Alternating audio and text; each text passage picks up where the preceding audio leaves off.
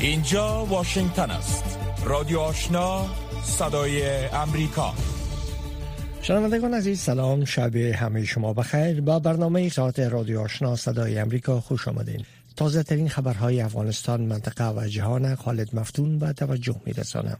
سلام و وقت بخیر. مقام های امنیتی بغلان امروز چهارشنبه از سقوط ولسوالی برکه آن ولایت به دست گروه طالبان خبر دادند. جاوید بشارت سخنگوی پلیس بغلان گفت که ساعت ده سهشنبه شب گروه طالبان عملی تهاجمی را بر بخشای از این ولسوالی راه اندازی کردند. به گفته این مقام امنیتی در این درگیری به نیروهای امنیتی افغانستان تلفات نرسیده اما گروه طالبان متحمل تلفات شده است. اداره های استخباراتی ایالات متحده هشدار دادند که حقوقی که زنان در دو دهه گذشته در افغانستان به دست آوردن با خروج قوای امریکایی و ناتو از افغانستان ممکن با خطر مواجه شود. شرح بیشتر از رویا زمانی. بر اساس گزارش اداره های استخباراتی ایالات متحده افکار گروه طالبان هنوز هم به طور گسترده به گونه ای است که حقوق زنان را محدود می کند و اگر این گروه به قدرت برسد بسیاری از دستاوردهای دو دهه گذشته افغانستان را عقب خواهد زد. در دوران حاکمیت طالبان بین سالهای 1996 تا 2001 میلادی زنان و دختران در افغانستان از حق تحصیل و کار به طور گسترده محروم بودند و آنان حق بیرون شدن از خانه را بدون حضور یک عضو مرد خانواده خود نداشتند. زبیولا مجاهد سخنگوی گروه طالبان امروز چهارشنبه رسانه های افغانستان را به جانبداری متهم کرد و هشدار داد که اگر آنان روش گزارشدهی خود را تغییر ندهند با عواقب آن مواجه خواهند شد. در واکنش به این هشدار گروه طالبان کمیته مسئولیت ژورنالیستان افغان این اظهارات سخنگوی طالبان را بر ضد ژورنالیستان و رسانه ها محکوم کرد. هشدار گروه طالبان بر ضد رسانه ها و ژورنالیستان در حال صادر شده است که در ماههای اخیر چندین ژورنالیست و کارمندان رسانه ها در ترورهای هدفمند در ولایت مختلف آن کشور کشته شدند. بر اساس گزارش سازمان صحت جهانی این در یک هفته گذشته تقریبا نیم واقعات مثبت بیماری کووید 19 را در جهان ثبت کرده است. بر اساس این گزارش تنها در 24 ساعت گذشته 3780 نفر بسته این بیماری کشنده در سراسر هند جان باختند. این بود خبرهای افغانستان منطقه و جهان از رادیو آشنا صدای امریکا.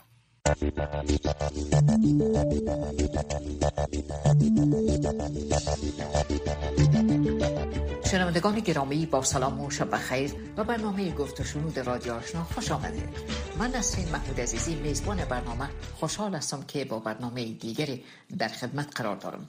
در حالی که حمله تروریستی 11 سپتامبر سال 2001 در خاک ایالات متحده حضور نظامی ایالات متحده و متحدانش در افغانستان رقم زد این کشورها در کنار مبارزه با القاعده و تروریسم با تعهدات مالیشان و بازسازی افغانستان هم آغاز کردند. چنانچه سرازیر شدن کمک های خارجی بعد از سال 2001 و برقراری ثبات سیاسی سبب تسریع رشد اقتصادی و افزایش بیسابقه سرمایه گذاری خصوصی شد. اما اکنون خروج نیروهای نظامی ایالات متحده امریکا و ناتو از افغانستان پرسش های زیادی را در مورد آینده اقتصادی و امور امنیتی و کشور برانگیخته ما در مورد اثرات خروج نیروهای بین المللی بر امنیت افغانستان برنامه های متعددی داشتیم. در برنامه امشب بر پیامدهای اقتصادی خروج نیروهای نظامی ایالات متحده امریکا و ناتو از افغانستان روشنی انداخته میشم. محترم فرشید حکیمیار تحلیلگر امور اقتصاد و بانکداری از ایالت ویرجینیا مهمان برنامه هستند. جناب آقای حکیمیار سلام بر شما. تشکر که دعوت ما را پذیرفتین. سلام بر شما. زنده باشید می‌خوایم نظر شما را بدانیم که برای ملت افغانستان اعلام خروج نیروهای امریکایی از کشور چه توجیه دارد؟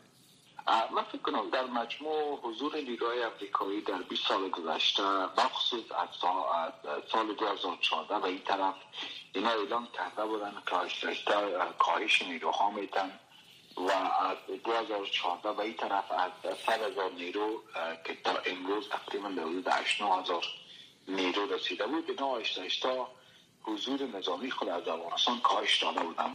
در کل بخواهیم نخواهیم چون افغانستان روابط بسیار نزدیک در 20 سال گذشته با امریکا و نیروهای نظامی امریکا داشت. و حضور نظامی از اینا بدون شک یک سری پیامدهای مالی و اقتصادی برای افغانستان و در منطقه داشت. بخوایم نخواهیم یک سری تاثیراتی وجود داره برای افغانستان. و امیدوار هستم که دولت افغانستان بتانه با ایجاد روش های اعتماد سازی فضای عام و بخصوص فضای عام مردم و نگرانی هایشان ناشی از بیرون رفتن نیروهای خارجی به نوعی کنترل کنه و اینا اطمینان خاطر بده که مشکلات زیادی ایجاد نخواهد شد. ما می‌خوایم توجه را بر سیستم اقتصاد افغانستان معطوف بداریم که سیستم اقتصاد افغانستان چه توصیف داره بله. خب ببینین وقتی که امریکا در افغانستان تشریف داشتن و وجود داشتن آنچه که مهم است است که اینا یک مقدار پول بسیار زیاد به خاطر مصارف اساکر خود داشتن مسائل لوجستیکی و اکمالاتی اساکر از اینا در افغانستان بود که به شکل مستقیم و غیر مستقیم جامعه افغانستان بازارهای افغانستان از این امکانات مالی مستفید می شد و وقتی که نیروها از اینا به صفر کاهش پیدا می‌کنه اون همون مصارف که اینا ترجیح می‌کنن در بازارهای افغانستان کاهش پیدا می‌کنن. یک. دوم بیرون رفتن نیروهای نظامی از افغانستان در واقعیت یک نوع نگرانی ایجاد می‌کنه برای تجار ملی افغانستان که خوب وقتی که بیرون رفتن پس امنیت ما و ثروت و سرمایه و خانواده ما چی خواهد شد؟ از جانب تهدیدهای امنیتی از, از, جانب دشمنای افغانستان طالبا و دیگران وجود داره که اینی دینی تهدیدات و نگرانی های روانی امکان ازی است که بیشتر بتانه تجار ملی افغانستان و مردم افغانستان نگرانی بیشتر ایجاد کنند معمولا آنچه که مهم است در یک نظام اقتصادی و مالی فعال یا در اندازه که در افغانستان وجود دارد نگرانی روانی می‌تونه بسیار تاثیر خراب و ضربه بسیار زیاد داشته باشه. بر ایجاد تشویش بیشتر بر تجار ملی افغانستان و چنانچه ما خبر داریم در همین چندین سال گذشته هم از سرمایه ها از افغانستان و ششتا بیرون میشن و دلیل بیرون شدن سرمایه ها فقط به خاطر حفظ سرمایه ها و تجار ملی نگرانی دارن. و اگر شما بیشتر مسائل تحقیق می‌کنین بحث ایجاد حکومت انتقالی است. و نمیفهم تگ اندازه شاید بحث صلح با طالبان صورت بگیره که اینی خودش یک نوع تحولات سیاسی را ایجاد می‌کنه و یک نوع انتقال قدرت شاید صورت بگیره یا نگیره. که در کل تمام همین پروسه ها ایجاد نگرانی ایجاد می‌کنه اما آنچه که به نظر من مهم است است که دولت افغانستان و نیروهای امنیتی افغانستان باید باید تاکید کنند برای حفظ امنیت مردم افغانستان و اطمینان بتن مردم افغانستان که تا بیرون رفتن نیروهای خارجی به هیچ معنا نیست که دولت سقوط می‌کنه و ما خوشحال هستم که دوستای بنی افغانستان یادآور شدن که تا 2024 همون بود صندوق مایوی پلیس ملی افغانستان و اردوی ملی افغانستان پول دارن یعنی به نوع امکانات وجود داره که دولت افغانستان جلوگیری از سقوط کنه. و این خودش باید این مسائل بیشتر و بیشتر یادآور شود که حتی اگر انتقال اقتصادی سیاسی صورت می‌گیره یا اداره نومیایه یا از گفتگوهای سلطفت میشه که رئیس جمهور غنی از پستش استفا کنه و اداره معقده خود از اینا نباید تاثیر بسیار زیاد روی به چالش کشیدن بازار افغانستان داشته باشه و نگرانی بیش از حد برای جامعه تجار افغانستان ایجاد کنه که این نیاز جدی است روی ازی بود قضیه باید دولت و در این زمان مردم و جامعه بینگلی کار کنن و اطمینان بتن مردم افغانستان که اینا هنوز هم یعنی مسئله سقوط دولت افغانستان مطرح نیست. و افغانستان توجه است دولتش توجه است که ولی نگرانی بسیار شدید وجود داره شما پیشتر به نگرانی های روانی اشاره کردین. بانک جهانی میگه که اوضاع مبهم سیاسی و امنیتی افغانستان سبب شده که اقتصاد کشور به سختی بتانه که خود از تاثیرات مخرب کویت 19 دوباره احیا بکنه. و نظر شما بدی شدن بهبود اوضاع اقتصادی به چی مفهوم خواد بود؟ خب ببینید در کل در, در, در سر سر جهان مسئله ویروس کرونا تا در اندازه زیاد سکتورهای اقتصادی کشورها را برهم داده بود بخصوص سکتورهای ترانسپورتی و سکتورهای مثلا اوتل ها و این بخش ها بسیار ضربه زیاد داده بود. ولی با ایجاد واکسین آیسته جهان باز میشه افغانستان مستثنا از دیگه نیست. اما آنچه که دیدیم می است که افغانستان از جهان از جهان پیشرفته قبلتر با باز شده بود و ما گزارش های بسیار زیاد در ناشی نگرانی کووید 19 در افغانستان نمیشنویم. و به این صورت بران خیلی نگرانی در این مورد وجود نداره ولی شدید نیاز است که مثلا بانک جهانی و, و سازمان های دیگه کمک کننده باید زمین سازی عزیز بکنن که واکسین برای مردم افغانستان آماده شود تا همه مردم واکسین شوند و بالاخره بتانن مثلا با خیال راحت پیش برن متاسفانه وضعیت که در هند شاهد هستیم امیدوار هستم که همو موج دوم و یا سیومش بر افغانستان سرعت نکنه و و و, و شرایط زندگی مردم تغییر بدن بله. همون نقش خیلی کلیدی داشته باشه که من فکر وزارت صحت افغانستان در شدیدن کار کنه با سازمان های بین چون بخوایم نخواهیم امروز مسئله ویروس کرونا در پالی پالیسی های کلان مالی و اقتصادی می‌تونه بسیار نقش مخرب روی اقتصاد کشورها داشته باشه. که باید شدیدا جدی بگیرن این مسئله را یعنی نمی‌تونه به این راحتی تیش شود. ولی باید ریاضی کار کنن که نگرانی مردم رفت شود و همه مردم باید واکسین شود. بعد از 20 سال حمایت مالی و حضور نظامی جامعه جهانی هنوز هم افغانستان دارای یک اقتصاد مصرفی وارداتی وابسته به کمک های خارجی است. چی باعث شده که از پولای کمک شده به طور مؤثر استفاده نشود؟ ما فکر کنم بسیار نکته مهم اشاره کرده. ما بارها در نوشته و بحث های خود بیادآور شدیم که ببینید در جهان پیشرفت یک سکتورهای اقتصادی و مالی را خیلی توسعه دادند نه تنها بخش تجارت واردات و صادرات یک بخش اقتصاد شماست بلکه بخش های گذاری خارجی و داخلی یک بخش مهم است. خود ایجاد مثلا سیستم قرضه های بانکی بسیار می‌تونه نقش مهمی را در در رشد اقتصاد کشورها داشته باشه مثلا در اصطلاح انگلیسیش بر دبت و کردیت میگن که چطور هم خانوارها و هم شرکت ها بتانن از بانک ها پول قرض بگیرن به خاطر توسعه اقتصادی و در این زمان به خاطر خرید و فروش مسائل مثل خانه و موتر و و در این زمان تجارت های کوچک. ولی اونمو امکانات ما در افغانستان نداریم. ما اتفاقا عضو فعال در اتاق تجارت افغان امریکا هستیم و بارها ما با بانک های افغانستان صحبت می‌کنیم و می‌بینیم که در کل مشکل اساسی ما در بانک مرکزی افغانستان در افغانستان بانک هیچگاه در این 20 سال نتونسته برنامه های خوبی ایجاد کنه به خاطر حمایت تجار ملی افغانستان به خاطر حمایت دولت افغانستان. یعنی پالیسی های مالی خوب در ارتباط به عرضه خدمات مالی و عرضه مثلا امکانات قرضه ها بر افغانستان ندارد چنانچه اکثرت کشورهای دیگه جهان حتی کشورهای منطقه دارد مثلا یک زمانی که در افغانستان در, در ایران حتی در اگر کسی خانه بتونه بخوره خانه منزل بخره میره از بانک قرض می‌گیره و او را خانه می‌خره و بالاخره در در اقساط مختلف پس پول خود به بانک میده و همه یک سیستم را بانک مرکزی یک سیستم اعتباری را ایجاد کرده برای بانک های پرچون. و بانک ها باز می‌تونن به مردم کمک کنن. ما ما بانک افغانستان بانک افغانستان یک بانک بسیار فلج گفته میشه.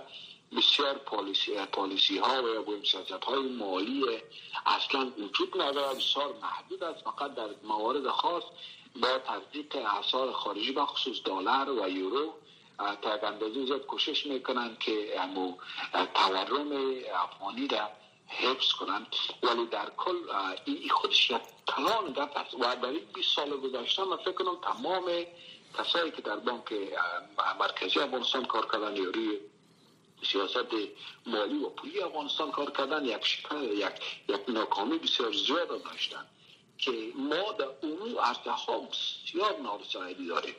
ما را و مردم افغانستان و جامعه اقتصادی افغانستان ساخته یک یک, یک بسیار منوع ابتدایی مالی ما فقط خرید فروش است هنوز هم در بازارهای افغانستان پول کاغذ یا معوی پول بانگروت به شکل عرضه میشه که بسیار خود از یک مشکل بسیار زیاد در ارتباط به زایی از او و به امنیت از او و در این زمان مسئله پولشویی که یک گپ کلان دیگه است که ما جلو از رو بکنم می‌دانیم به خاطر اکثریت تبادلات تعاملات مالی و اقتصادی به اساس بانگنوت ها است که مو مسیر در این مسیر الکترونیک از را ما نمی‌تونیم در داخل سیستم ها ایجاد کنیم. به خاطر همه چیز به شکل ابتدایی و بدوی است که این اصلا سازنده نیست اصلا زمینه رشد اقتصادی را در در برای تقویت تجارهای کوچک و خانوارها ایجاد نمی کنه اقتصاد مصرفی ساخته.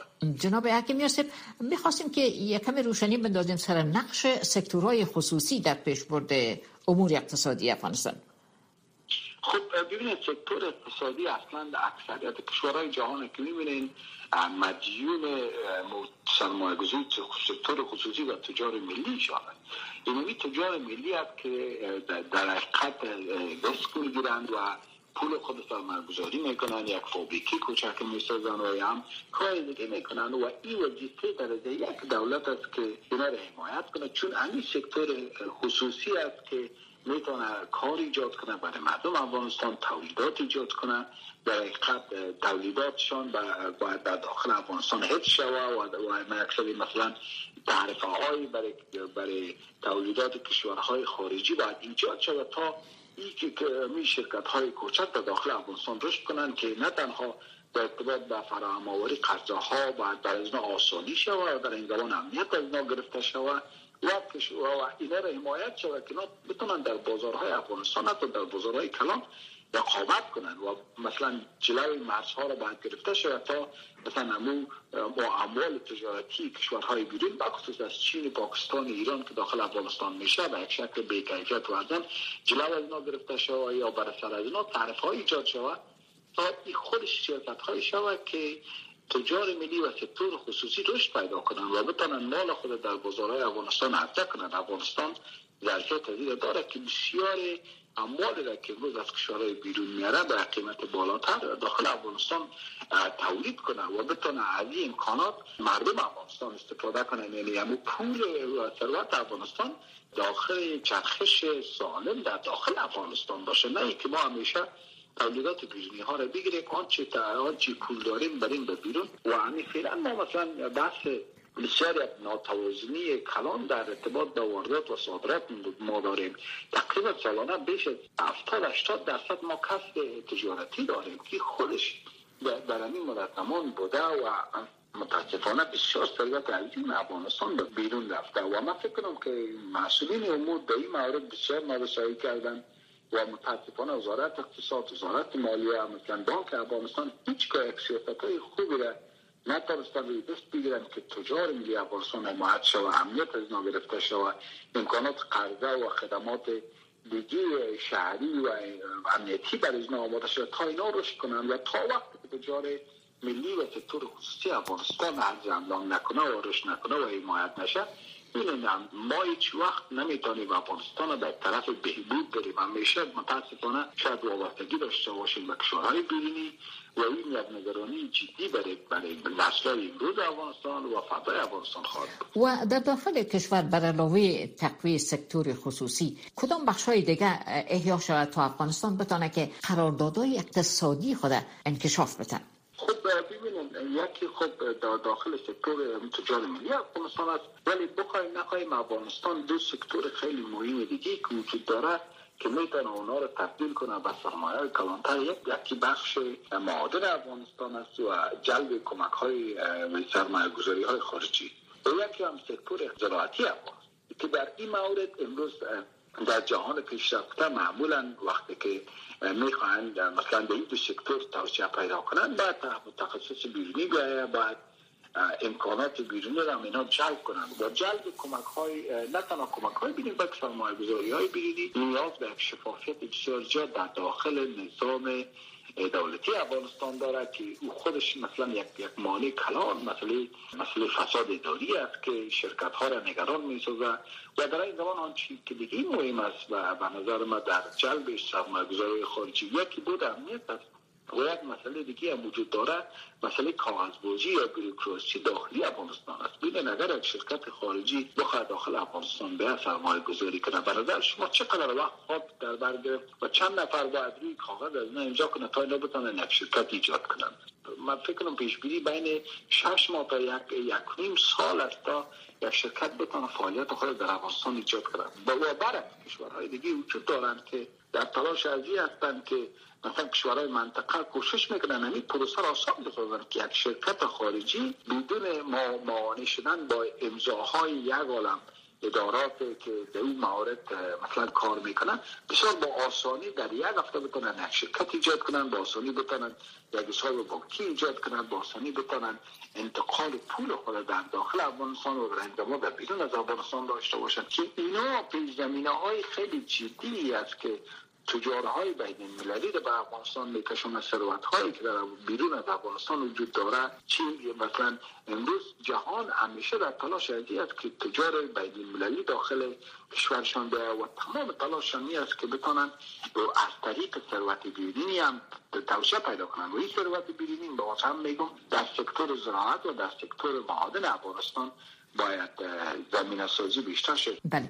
در حال حاضر در بخش معادن طوری که شما اشاره کردین سرمایه گذاری 4 میلیارد دلاری شرکت چینی در معدن مثل عینک لوگر بزرگترین سرمایه گذاری خارجی تاریخ افغانستان نام گرفته. همچنان می‌بینیم که ایجاد خط ریل که ما دو بار از افغانستان به چین میره و برعکس از اموال از مسیر کشورهای قزاقستان و ازبکستان انتقال میده. چین در افغانستان به دنبال چی است؟ معادن ثبات منطقه یا که اعمار شاهراهای تجارتی؟ به نظر من شما بسیار یک نقطه مهم یادآور شدن که نقش چین در منطقه پروژه آرمانی رای ابریشم چین در بیش از 70 کشور جهان رو توسعه از ایران تا پاکستان تا اکثریت کشورهای دیگه منطقه ما و افریقا این پروژه جریان دارد ولی رئیس جمهور عملا گفت که ما از چینایی ها نمی‌خوایم پول قرض بگیریم. و به نظر من در این مورد من باش موافق هستم اویت که چینایی ها پول را که قرض میتن به خاطر سرمایه گذاری های کلان با یا با یک مفاد بسیار بالا است. با یک نرخ بهره بسیار بالا است که به نفع افغانستان است. و چینایی ها هیچ وقت کشورها را کمک مجانی نمی کنند بلکه قرض بسیار یعنی قرض میدن که با یک انترست ریت یا یا نرخ بهره بسیار بالا است. و مثلا مثل اینه که افغانستان هم بسیار یک قرارداد جنجالی بوده.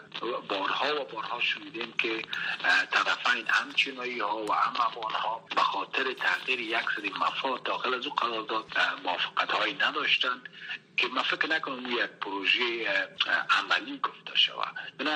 ما در, در کل دولت افغانستان نتونسته که هم چینایی ها را و هم ایندی ها را بتانن مثلا روی قرارداد در در افغانستان بکشن چند پیش یک شرکت استرالیایی داخل افغانستان شده بود و هنوز هم هستن. یک قرارداد جنجالی شده بود که به گفته آن یک مقدار سرمایه گذاری همون شرکت استرالیایی هم از طریق چینایی ها بود. اما در کل من می‌بینم که در ارتباط به معادن افغانستان خیلی سرمایه گذاری های خوبی نشده و آنچه که بین چینایی ها و ایندیا شده بود اونام به نوع رو به شکست بوده پروژه در این زمان در بیرون از کشور بریتانیا امروز تلاش داره که بعد از خارج شدن از اتحادیه اروپا نفوذ سیاسی و اقتصادی خود در حوزه اقیانوس هند و آرام گسترش بده و با نفوذ روزافزون چین در منطقه مقابله بکنه. چنانچه که توافق سرمایه گذاری حدود یک سه میلیارد دلار در بخش سکتور خصوصی بین بریتانیا و هند اخیرا صورت گرفته. این تحرکات اقتصادی چقدر می‌تونه که در آینده تاثیر بر وضعیت اقتصادی در افغانستان داشته باشه؟